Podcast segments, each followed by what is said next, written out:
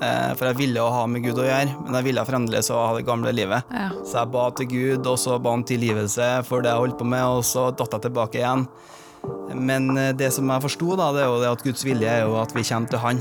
Om det så tar tusen ganger, så vil jo Han at vi skal komme tilbake til Han.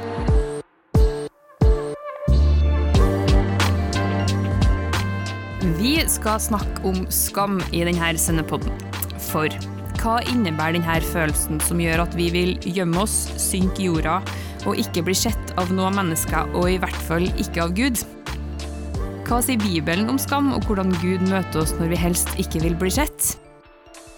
I denne episoden skal vi se på hva Bibelen kan fortelle oss om skam, og vi skal få høre vitnesbyrdet til Stein Ove Auseth. Han har opplevd å være rusavhengig og alt som følger med av skam og skyld, som han sier sjøl. Og så har han også opplevd å bli satt helt fri. Og hvordan i all verden skjedde det her?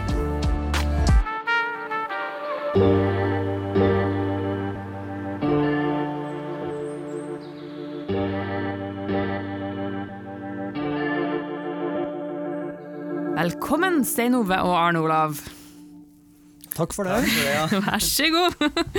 Eh, dere skal få lov til å presentere dere litt. Kanskje høre fra deg først, Stenove, siden du aldri har vært med i Sendepodden før. Ja, takk for at jeg fikk bli med. Yes. Eh, Jeg heter Stein Ove Auseth, eh, 36 år, bor på Heimdal. Eh, Jeg er gift med Karoline, eh, og jeg er student. Studerer noe som heter ergoterapi. Ja. Og eh, fun fact, ja. Ja, det må vi jo ha. Ja, Jeg har vært én gang i Finnmark, og da klarte jeg å kjøre på reinsdyr. Jeg tror det må være det. Så det Det er veldig bra. Arne Olav syntes det var kjempeartig. Han flirer masse nå. Ja, ja, ja. ja. Det er bra. Og du går altså i Kristent Fellesskap her i Trondheim sammen med resten av gjengen som sitter her. Ja. Ja, det er veldig bra. Eh, ja, Arne Olav, kan du si noen ting om deg sjøl, som ikke folk vet fra før? Som ikke er sagt fra før. Ja. Det begynner å gå tom på lista. Men Ja. uh, siden Stein Ove er her, han er jo egentlig fra Kyrksæterøra. Ja. Og jeg har uh, en del slekt på Kyrksæterøra. Oh. Så det jeg ikke har spurt Stein Ove om ennå, da, det er om han var på det slektsstevnet der halve området var på, på 90-tallet. For jeg har truffet på folk før som har vært på et slektsstevne der, som uh, var slektninger av med. Så. Ja, Men det får vi finne ut etterpå, da, om han Ja. var på det spennende. Så ikke, ikke legg på, skulle jeg til å si. Nå er ferdig episoden. Ja, det blir spennende for oss, det er kanskje ikke så spennende for alle andre. Men du er altså redaktør i sennep.nett, og er med her fordi at du har eh, da eh, gjort litt research på skam i Bibelen. Og vi har en, eh, en serie på Bibelkvarteret som er en annen podkast på sennep.nett om skam som anbefaler folk å sjekke ut, og den har du laga. Stemmer. Yes, så vi skal høre litt hva du har å si etterpå, men eh, først så begynner vi med Stein Ove, da. For jeg har jo invitert deg til denne praten fordi du har et fantastisk vitnesbyrd om å bli satt fri. Og i ditt tilfelle så handler det om å bli satt fri fra rus og det som følger med av et sånt misbruk. Um, og det er jo skam som er temaet i dag, og vi skal gjennom vitnesbyrdet ditt få høre om dine erfaringer med den følelsen, og, og hvordan du ble satt fri til å leve det livet du lever i dag, fordi nå virker det jo som du har det ganske bra. Ja, det samme. uh, så, så jeg bare begynner. Er du klar? Ja. Så bra. Uh, for hvor gammel for eksempel, var du da du begynte å ruse deg? Jeg var sånn 15-ish. 15-ish, ja. Uh, ja. Konfirmasjonsalder, vil jeg si. Hva gikk det i da, på en måte? Da ble det en del festing, da, som igjen førte til andre stoffer. da. Ja. Eh, hvorfor begynte du med det, da, tror du? Eh, nei, jeg har eh, reflektert litt rundt det, og jeg tenker sånn her at det har mye med miljø å gjøre. At jeg kanskje havna bare i feil miljø. Eh, Og det var jo kanskje litt lite aktiviteter å gjøre i Kyrksæterøra. Eh, pluss at jeg er jo en eventyrlysten person. Spontan. Tenker han litt med, om eh, personlighet, da, egentlig. Ja, Ja. ikke sant. Mm. Eh, når du begynte liksom Tenkte du når du begynte at å, det her er skummelt og farlig og jeg kommer til å havne langt på skråplanet? Tenkte ikke begynte. Nei, Man tenker jo kanskje ikke det, da. Kanskje man ikke har gjort det da. Ja, nei, da tenkte jeg bare det var spennende og artig, Ja, egentlig. Ikke sant? Så. Men kjente du noe på skam i, i starten, liksom, da? Av uh... Nei, jeg gjorde egentlig ikke det i starten, nei. Nei. nei. Det var når åra gikk litt og kom liksom i midten av 20-åra.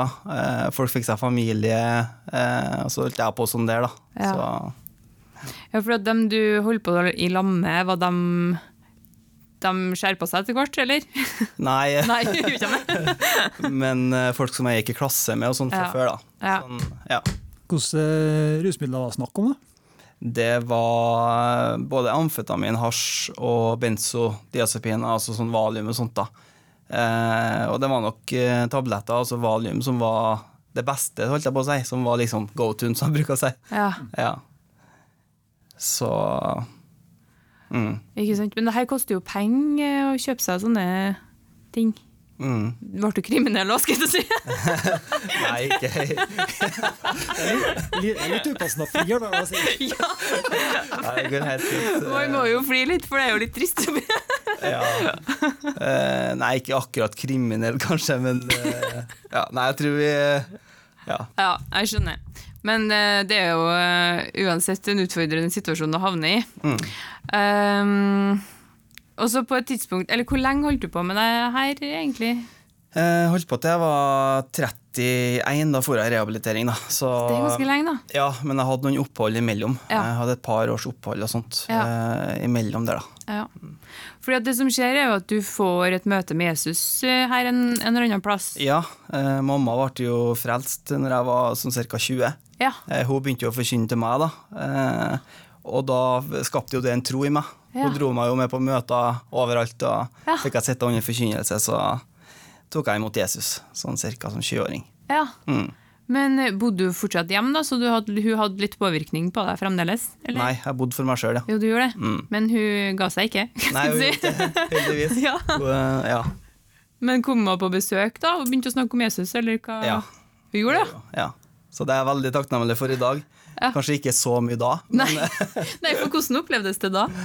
Litt kjipt, kanskje. Ja. Eh, litt sånn her eh, eh, At jeg følte liksom at det ble et sånt strev, på en måte. Ja.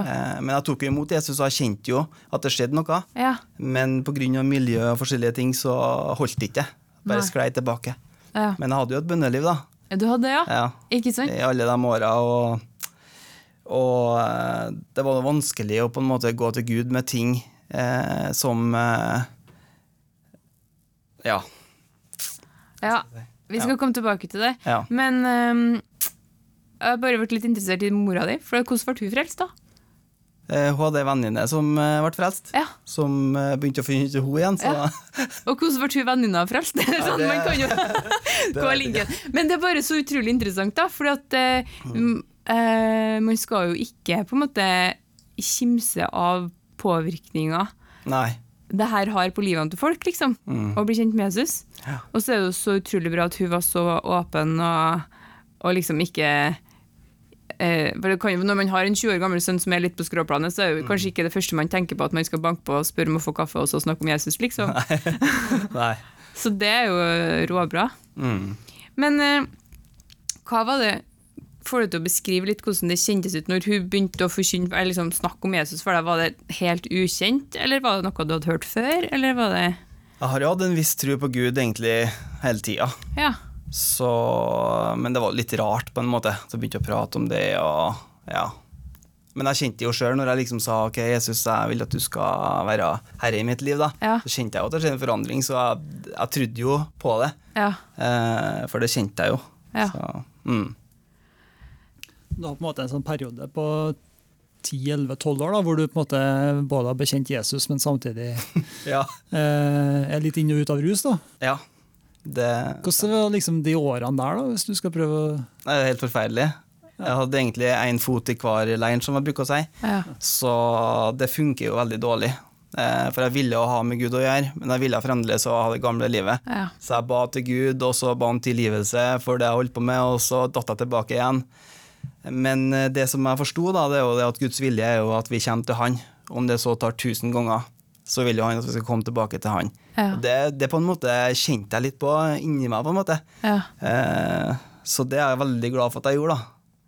Samtidig så var det jo helt forferdelig å leve sånn der. Men, men når du opplever å, å på en måte Når du vet på en måte hva som er rett, og så gjør du det som ikke er rett eh, Man har jo gått på noen smeller sjøl i livet, og det er jo helt forferdelig. Ja. Og, og liksom Man skammer seg jo masse, fordi at du vet bedre, på en måte. Mm. Og så når det skjer flere ganger, så, så blir det måte Eller det er min erfaring at det blir bare verre og verre. Og- Fordi at man tror nei, nå må jeg ha lært. Eller sånn, det her kan ikke, det kan ikke ha skjedd at det har skjedd igjen, på en måte. Mm. Men hvordan klarte du da å fortsette å gå til Gud, på en måte? Eh, Jeg fikk en visshet om at Gud er god. Gud er bare god. Han ønsker meg det beste. Han ønsker at jeg skal komme til han. Ja. Eh, og så skjønte jeg denne kampen mellom det gode og onde. Ja. At djevelen vil jo ikke at vi skal gå til Gud. Det er jo, han vil jo dra oss ifra det. Ja. Men hver gang jeg gikk til Gud og snakka med Gud om det, det som var sånn her, så kjente jeg jo at, eh, at jeg ble fri fra den skammen og det her Ja. eh, vanskelighetene, helt til jeg gjorde det igjen. da. Ja. Men det er jo det som er at når man er utpå og ruser seg i en lengre periode, over flere måneder f.eks., da tenkte ikke jeg på Gud Nei. sant, i det hele tatt. Da var jeg ute i det, liksom. Ja. Men så var jeg eh, på tur på nedtur, holdt jeg på si. Da Ja, ja. Da var jeg på kne, ikke sant. Og bare ba om at Gud måtte gi meg kraft til å klare å omvende meg. da. Ja. Eh, og det er jo det er helt forferdelig å leve sånn der. Du lever jo som eh, blir slengt hit og dit. sant? ja. Mm.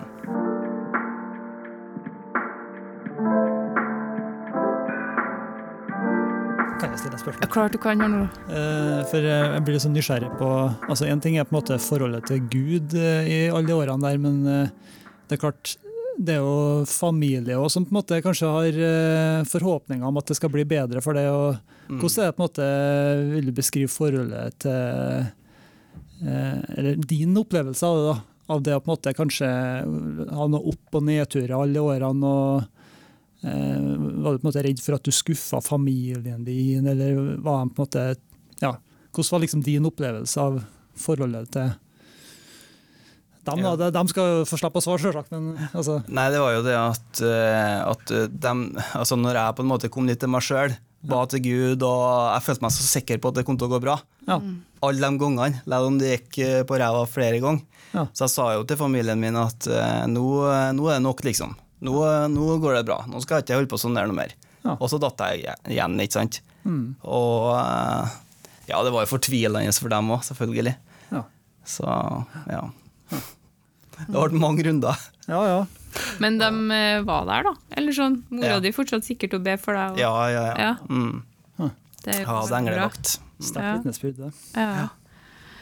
Når du, som du sier, på en måte gikk til Gud igjen og igjen, på en måte ehm, Kan du si noe om hvordan, hvordan hvordan fikk du den åpenbaringa om at Gud ikke har lyst til å slå deg i hodet med noe hardt, men, men faktisk vil deg vel? Ja, si det. Eh, det var jo at jeg begynte å se hva som står om meg i Guds ord. da. Ja. Jeg begynte å tro på det som Gud eh, sier om meg i sitt ord. ja. Eh, og har jo hatt eh, Jeg hadde ikke så mye kristne venner i den tida der, men jeg var nå blant annet med i husgruppe en liten stund, der jeg fikk litt input. sant? Gud eh, ønsker det her for deg, og ja, det var noen som delte med meg. da. Eh, samtidig så hadde jeg en egen erfaring da, om at uh, Gud ønsker at det skal være sånn der. ja, ikke sant? Uh, ja. Men Det som er interessant, da, er jo at det krever eller sånn, man har jo nødt til å være villig inni seg Mm. til å åpne opp for Ja. det gode, på en måte. Eller for Gud. Og så er det så fort gjort når man skammer seg og, og, og opplever å ikke eh, være som man ønsker, eller gjøre som man ønsker, at man til og med for seg sjøl stenger denne døra, da. Og stenger den i hvert fall for Gud, fordi man ikke vil. Så det er egentlig mitt sånn Det er sånn flere tusenkronersspørsmål når det kommer til skam, da, men det ene er liksom hvordan klarer man å å åpne opp inni seg sjøl for at man er verdt godhet. Mm. Hvis du skjønner, for at man kan jo bli overbevist om at man ikke er verdt en dritt. Ja, absolutt. Jeg følte jo ikke at det var verdt noe i den eh, tida der, men jeg tenker at det handler i stor grad om å bare tørs å gjøre seg sårbar da, for Gud og mennesker, egentlig, som man eh, er trygg på. da. Eh, Å ha noen å prate med som man bare ja, gjør seg sårbar, vil jeg si. Mm. For Guds ord sier jo at det er da vi er sterke når vi er svake òg, så det er utrolig kraft i det, altså. Ja. Mm. Ehm, Når du gikk til Gud, hadde du liksom noen venner som hjalp deg med det, eller, eller var det stort sett i lønnkammeret skulle du si, for deg sjøl at du Det var stort sett eh, for meg sjøl, ja. Snakka litt med mamma om det og sånn, da. Ja. Det gjorde jeg. Men hadde ikke mange, hadde ikke noe godt kristent fellesskap i den tida der. Nei. Ehm, og hva var, hva var vendepunktet, da? Det endelige vendepunktet der du slutta Liksom, Visste du da at nå har jeg Ja. slutta? Ja. Visste du det? Ja. Gjorde det? Før så har jeg sagt det så mange ganger. Ja. Eh, men når det virkelig skjedde, så, så visste jeg at nå kommer det aldri til å skje igjen. Nei. Og det er så rart. Ja, Men, det er rart. eh. Kan du fortelle litt om hvordan du opplevde det? Jeg kom til enden av meg sjøl, vil jeg si. Eh, At, eh, at jeg bare ble knust. Så liksom alle de her åra som holdt på sånn her, eh, og som jeg egentlig ikke hadde lyst til å holde på med. Eh, og så bare var jeg helt ødelagt. Husker jeg hulka og skreik og grein i flere timer. Og så bare Det kjentes ut som jeg gikk i stykker, egentlig. Ja. Men eh, dagen etterpå For det grein jo Jeg holdt jo på sånn der flere timer utover natta. Mm. Eh, og dagen etterpå så akkurat som at jeg kjente sånn her at Stenove, du får et nytt liv nå. Så du må bare ta imot det som jeg har for deg. Og da Og, da, og det fikk jeg, vet du. For da har jo mamma snakka med Evangeliesenteret og sånn rehabilitering da, for rus. Eh, sånn at eh, jeg fikk komme inn dit hvis jeg ville. Og det var jo mange tanker som gikk gjennom hodet mitt. ikke sant? Ja, hvordan blir det med det ene og det andre? Men alt la seg sånn til rette. At, og jeg bestemte meg jo der og da, og jeg må si det da, at uh, dit skal jeg inn. For jeg fikk komme inn innen fire dager. ja. Wow. Eh, og da bare slapp jeg alt jeg hadde, eh, og for inn dit. Ja. Ja. Fikk du forbønn, da? Eller hva, hva, var du alene, eller hva var det som Når det her skjedde? Ja. Nei, det bare plutselig skjedde. På rommet ditt, liksom? Eh, nei, jeg var, sammen med, jeg var faktisk sammen med flere folk eh, og rusa meg. Eh, sammen med flere. Jeg bare kjente at jeg begynte å få en sånn utrolig sorg Ja. eh, over, den, over sånn som jeg har holdt på. da. Ja. Eh, ja. Så det, det bare kom liksom tårer og skreik og greier. Jeg brydde meg ikke om noe om dem som var der eller noe. Nei. Det bare måtte ut. ja. Det bare, ja.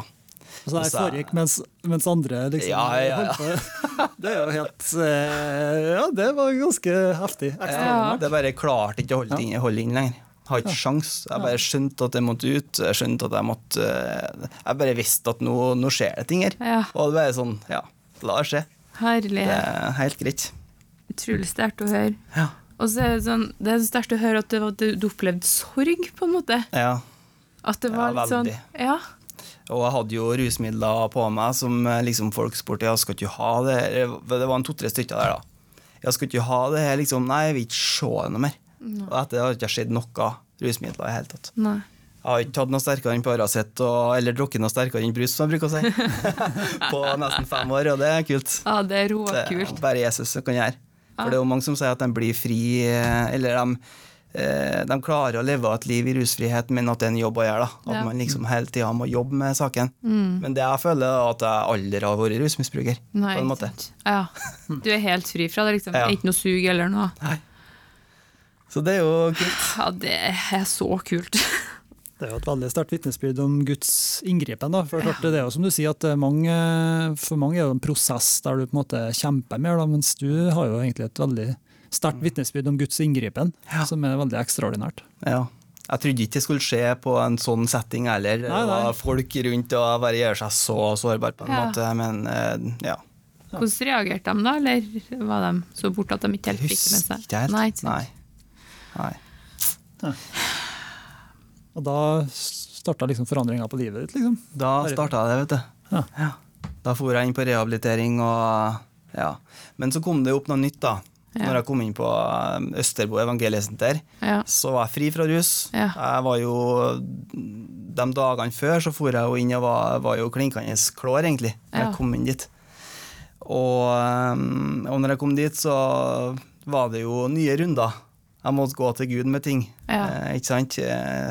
Andre ting, sånn som urenhet og sånne ting, i tankesettet. ikke sant? Ja. Der jeg skjønte at ok, jeg må fornye sinnet mitt her. Jeg må bare holde på å lese Guds ord og gå til Gud med ting som jeg ble jeg hadde jo skam eh, når jeg kom inn dit pga. forskjellige andre ting. da. Ja. For eksempel, eh, ja, for eksempel porno var en av dem. Ja. Og det var en, det var en tøff sak, da. Ja. At eh, skal jeg være kristen og, og holde på med det her, liksom, kjente jeg sånn, det er jo feil. Ja. Ikke sant? Eh, og det ble mange runder igjen. Ja. Men eh, da hadde jeg en erfaring av at, Gud, eh, at det er godt å gå til Gud med det. Men da kjente jeg jo at altså, nå har du gått til Gud med det her så utrolig mange ganger.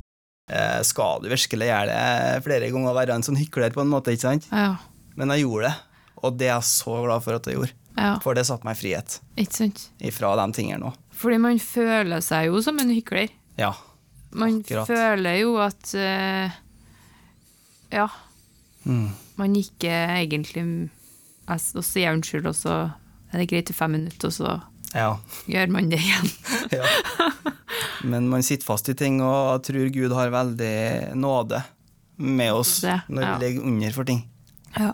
Så mm. Det er nettopp det. Og at det tenkte jeg faktisk på i morges, at det, det er ny nåde hver dag, og det er mulighet for å omvende seg hver dag, og det er liksom Det er ikke noe Det er ikke noe du trenger å ta med deg fra i går som du ikke vil ha med deg.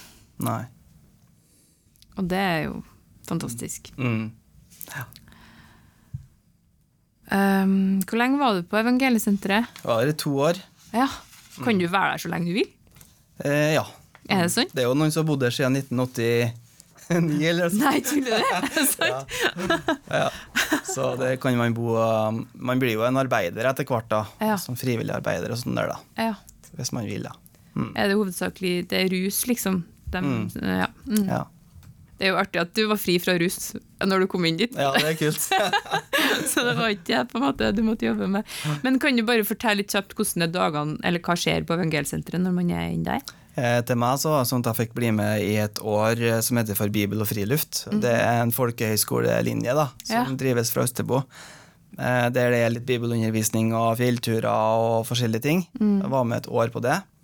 Og så gikk jeg VG3 påbygg der, da. Ja. For de har en eh, skole, videregående skole. Oi, så lurt. Ja, Så tok jeg studiekompetanse da, andre året jeg var der. Så Ja. begynte jeg på høyskole når jeg kom ut. Ja, Så det var brukt tida fornuftig. ja det var veldig og, det, fornuftig. og det var midt i koronatida. Ja, så perfekt. Jo, ja. Men var det, er, var, er det sånn, var det faste typ samtalepartnere eller samtalegrupper eller sånne ting, eller var det mer sånn Det var dem du som jobba her, men kunne prate med. da. Ja. Så Jeg hadde jo en som jeg hadde tillit til, som jeg prata med om de tingene som var vanskelig. Ja. Eh, Så det var godt. Ja. Mm. Så var det samlinger morgen og kveld da, med Guds ord og vitnesbyrd og en liten sånn andakt. da. Så bra at det finnes en sånn plass. Ja, absolutt. Ja. Em, hva, hva vil du si at det viktigste du har lært som du vil anbefale andre å gjøre, som kan sitte fast i vonde og vanskelige ting og kjenne på skam, og at man føler at man ikke er verdt en dritt? Jeg vil si eh, ha noen å prate med som man har tillit til, og tør å gjøre seg sårbar. Eh, og ikke minst gå til Gud med det. Samme hvor mange ganger det må ta, så, eh, så kommer han oss til hjelp. Ja. For at han elsker oss, han eh, Ja. Ja. Er Og Gud, eh, Gud vil, eh, sånn som du sa da, Gud vil at vi skal komme Ja. til ham. ja. Der jeg har fått litt åpenbaring om at uh, det er Guds vilje for meg at uh, jeg skal komme til han gang etter gang. Ja. Uh, for vi er jo mennesker. Vi kan ligge under for ting, og da er det så viktig at vi skjønner der At Gud er jo pappa som vil ha oss i fanget sitt, Ja. og snakke om det som er vanskelig. Ja. Men så er det jo veldig viktig å ha folk rundt seg som eh, I hvert fall én person da, som man kan eh, eh, dele sånne ting med, da, ja. vil jeg si. Mm. Ja, tusen takk for at du er med oss, Stein Ove. Det her ja, takk for at jeg fikk bli med. Ja, du skal være med videre òg. nå, skal vi- nå skal vi litt over til Arne Olav. Hvis ikke du brenner inn med noe du vil spørre Stein Ove om Arne Olav nå. Neida.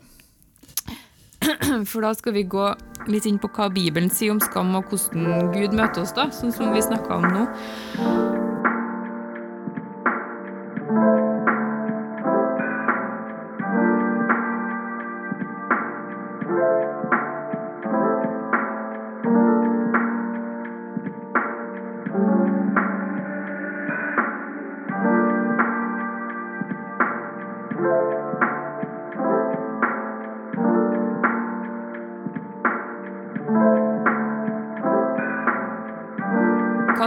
Sier om skam, da, Arne Olav? Eller hva er skam? Skal vi begynne med et sånn veldig enkelt spørsmål? Det er et veldig enkelt spørsmål. Ja. Det, Det er et langt svar på de tingene her. da. Ja. Nå har jeg laga tre episoder på Bibelkvarteret om det her, Ja. så der går det jo litt i dybden på da. Men det er klart eh, em, Nei, skam det har liksom blitt litt sånn eh, tydelig for meg kanskje siste året at eh, Bibelen har egentlig det litt som et sånn underliggende tema gjennom hele, eh, hele Bibelen. Mm. Eh, og det er helt fra skapelsesfortellinga og i evangeliene, så er liksom den tematikken med at mennesker kan slite med skamfølelse, det er noe som adresseres i evangeliene. Det har jeg på en måte ikke tenkt så mye over før. før Jeg begynte å legge merke til det i historiene og studere det litt. Mm. Så det er jo interessant at eh, det har på en måte vært litt på dagsordenen helt siden mennesket ble skapt. Ja. Mm. Hvis vi skal definere hva skam er, hva, hva sier man da?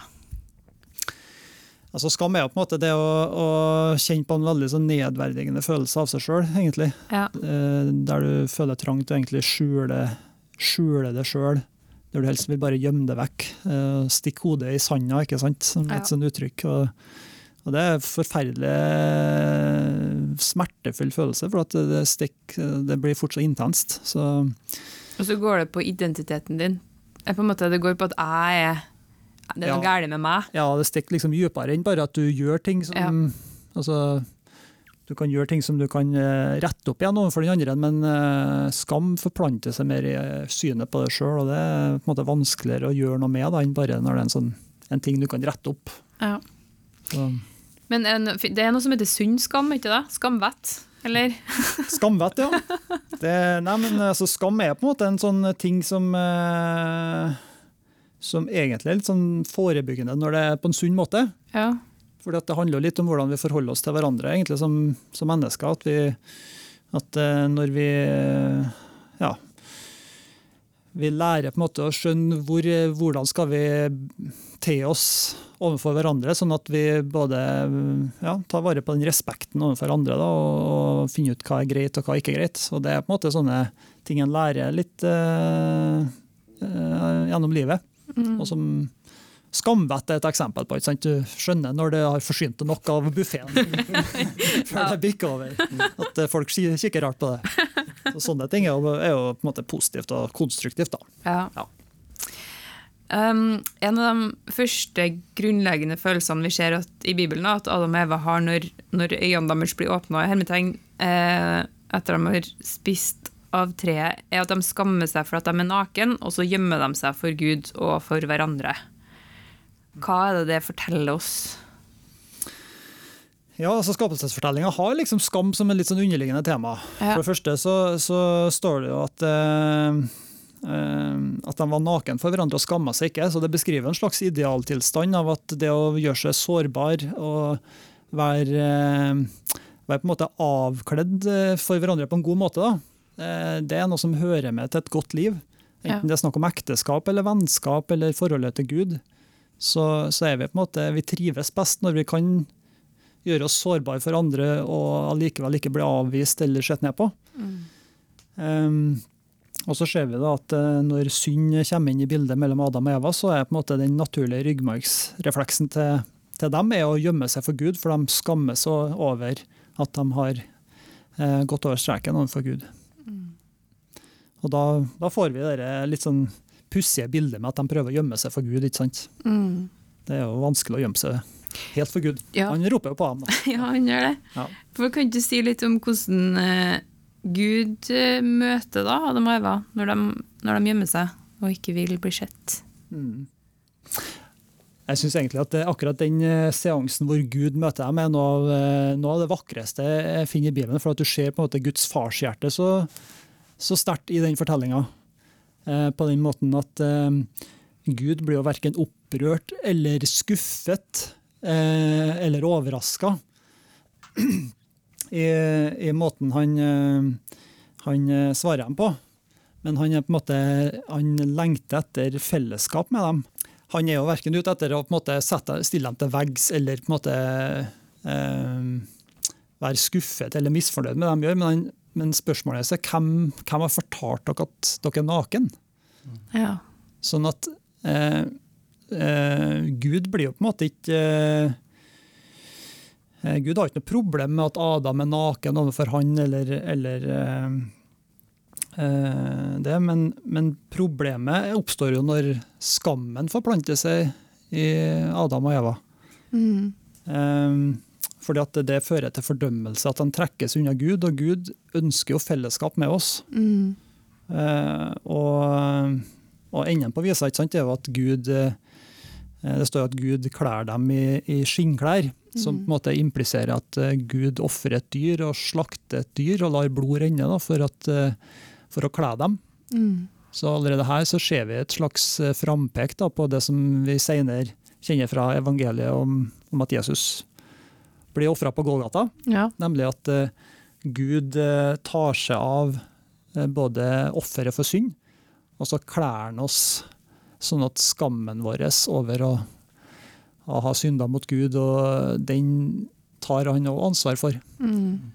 Og Det sier Nye testamentet at når vi blir døpt, så blir vi også kledd i Kristus. Mm. Så allerede her så ser vi at Gud eh, Gud tar ansvar for hele greia, og at eh, det å ta imot Jesus er på en måte å komme til en, en ferdig pakke der hvor han tar seg av offeret og klær oss i en ny identitet og gir oss en ære som er sterkere enn enn den skammen vi kan føle på over å ha kommet til kort overfor Gud.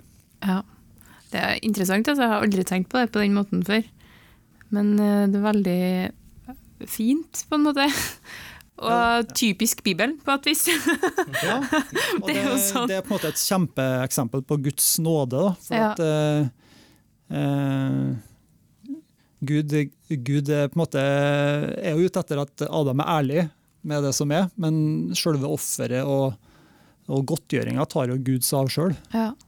Og det er jo sånn det er med Jesus. at eh, det er jo ikke, det er jo ikke sånn at det kommer masse krav til, til oss, men Gud møter oss med nåde og tar seg av offeret. Ja. Og gir oss muligheten til å få et nytt liv. Uansett hva vi har i bagasjen. Og det, det trenger vi alle sammen. Mm. Så det er fantastisk. Men det som er interessant, noe av det du sa i starten, det er hvordan når Gud Det første Gud sier når han møter dem etter at de har gjemt seg, er jo 'Hvem har fortalt dere at dere er naken?' Implisitt, hvem er det du har valgt å høre på? Hvilke stemmer har du valgt å høre på, på en måte? For det er ikke min. ikke sant? Ja, stemmer. Så det, det er liksom eh, Hva er det vi velger å høre på da når vi står i skammen? på en måte? Er det den stemmen som sier at eh, nå må du gjemme deg fordi du er ikke verdt at noen eh, er glad i deg? Eller er det Guds stemme som sier jeg vil eh, komme til meg, så skal jeg hjelpe deg, liksom? Mm. Ja. Det er akkurat det. Og det, det er der kampen står. Ja. For eh, Gud eh, gir aldri opp eh, å få oss tilbake til han, uansett hvor langt ut vi er. Nei. Det er så mange beretninger om både evangeliene og i, i det vitnesbyrdet til folk òg. Og der er vi dypest sett alle sammen, for det, det er lett å vurdere folk på avstand og tenke at de fikser det, de får det til. ikke sant? Men eh, kommer du innpå de aller fleste, så vil alle eh, ha i sin reise at eh, et møte med Gud der hvor du kommer til kort og innser at du trenger frelse. Mm. Og det, det gjelder jo det gjelder jo eh, både meg og Antar, det òg, Siri. Ja. Om ikke vi har fortalt vitnesbyrdet. Absolutt. ja, absolutt. Så det, det er fantastiske med Gud.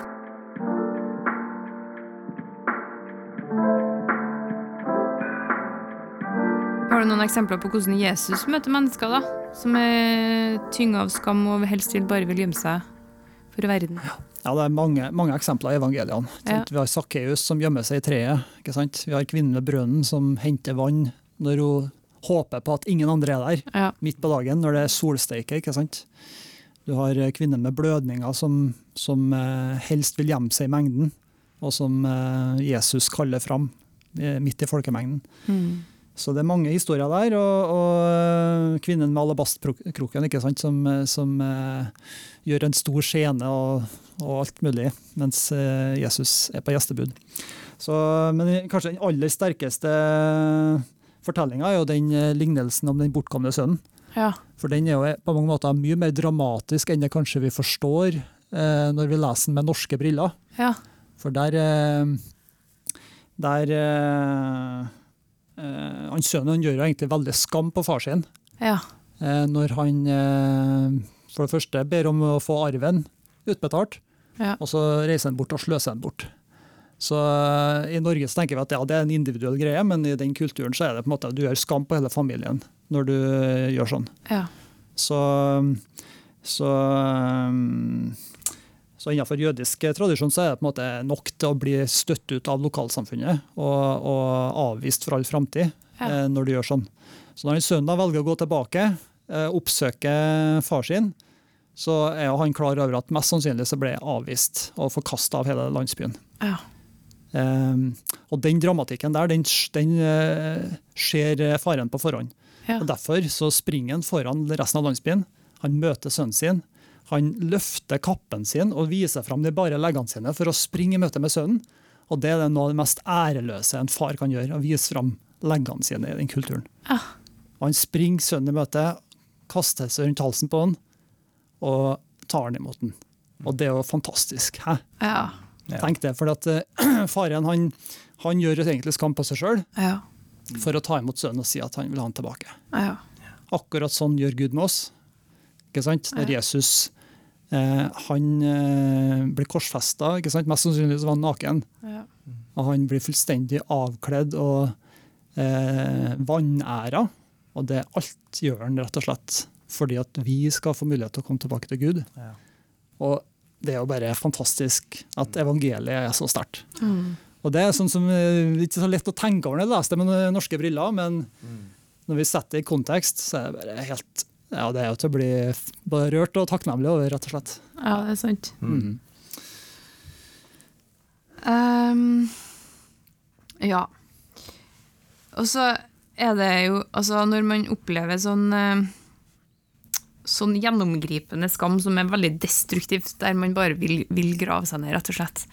Hvordan Altså, vi har jo hørt hvorfor du havna der, Stine Ove, men er det hvorfor, hvorfor havner folk liksom så langt ned i, i, i vonde ting?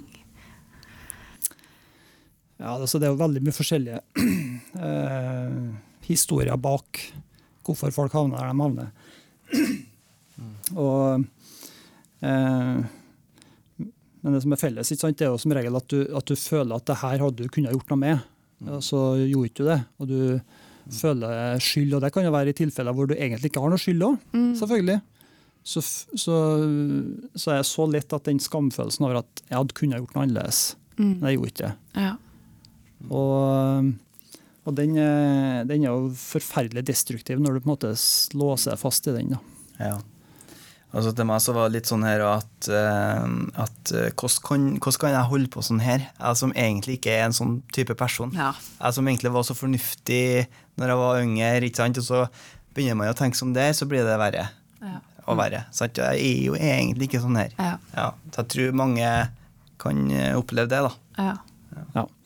Og det er det som er, kanskje gjør det ekstra vanskelig hvis en på en måte gjør den identiteten til sin egen. Ja. Sant? Er en forbryter, eller er en sånn, eller er en sånn? Ja. Mm. Uh, og så på en måte så er det, jo, er det jo bra at du kjemper litt med at du er jo egentlig ikke sånn. Ja. Fordi at eh, det gjør det jo lettere å komme, komme tilbake til eh, den en egentlig er òg. Ja. Mm. Litt sånn som eh, den bortkomne sønnen. Han kommer jo til seg sjøl, Mm. og så går han tilbake til faren. Ja. Det er. Så det, det er ofte der kampen er, at du må liksom ikke ta om bord den der identiteten av at Mm. jeg er ikke som alle de andre. Jeg er liksom Ja. Mm. Der er ofte kampen, da. ja. Mm. For det store spørsmålet, andre 1000-kronersspørsmålet er jo hvordan man kommer seg ut av en sånn eh, en sånn følelse, da, og en sånn opplevelse av seg sjøl. Og der hadde jo snakk, ja, Din opplevelse var jo at du fikk et møte med Gud, rett og slett. Mm. Uh, Ja. og så er det jo noe med å skjønne at man altså som du sa, begynte å lese i Bibelen og se hva det som står om meg der. Mm. For man kan jo ikke lete i seg sjøl. Sånn. mm. Hvis man leter i seg sjøl etter eh, verdi, så, så går man jo bare rundt og sauser i sitt eget hode. Mm. Og det er jo ikke alltid man finner noe fornuftig der. Nei, men det var det her med å jeg tenker å ha noen å prate med. da. Ja. Det er mange som, eh, som syns det er litt eh, flaut kanskje å ha noen å snakke med. Jeg husker jo det sjøl òg. At liksom eh, Nei, jeg kan ikke prate med noen om det her, liksom. Mm. Det tror jeg er kjempeviktig. Ja. For eksempel, man kan jo oppsøke profesjonell hjelp òg, som handler om psykisk helse, f.eks. Mm. Um, ja, så jeg tror det er veldig viktig. da. Ja. Hvis man har vikla seg inn i noe tankemønster. Ja.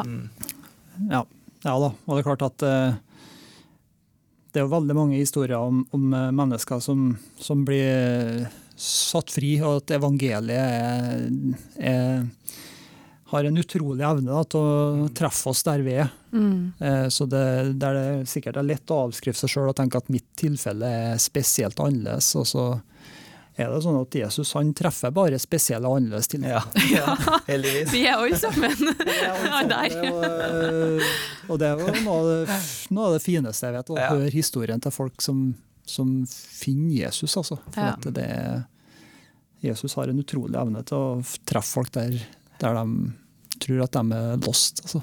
Ja. Han har bare gode planer. Ja, han har det. Og det ja, det er sant. Ja. Og han kan jo gjøre den, selv den mest på en måte, forferdelige fortida til, til en, en god framtid. Mm. Man er ikke lost selv om man har opplevd mye dritt eller gjort mye dritt. Så er det Jeg fikk jo, framtid? begynne, fikk jo begynne litt på nytt igjen. Nå er jeg jo 36 år, og har kjøpt meg leilighet og gifta meg og greier, så det føles ut som jeg har fått liksom et nytt, eh, et nytt liv, da. En Ja. ny sjanse, på en måte, i Ja. livet. Så det Ja. Ja, sånn er det med Gud. Det har vært noe nytt. Ja, det er sant. Mm. Ja, men det er utrolig bra Sten Ove, at du har lyst til å fortelle historien din her òg. For det, det er jo gjerne litt sånn at folk som jobber som kristne ledere og forkynnere, eh, er jo ofte i sjelesorgsamtaler og får jo på en måte vite mye av den reisa som folk har fram til et nytt liv, sånn som du har fortalt om her.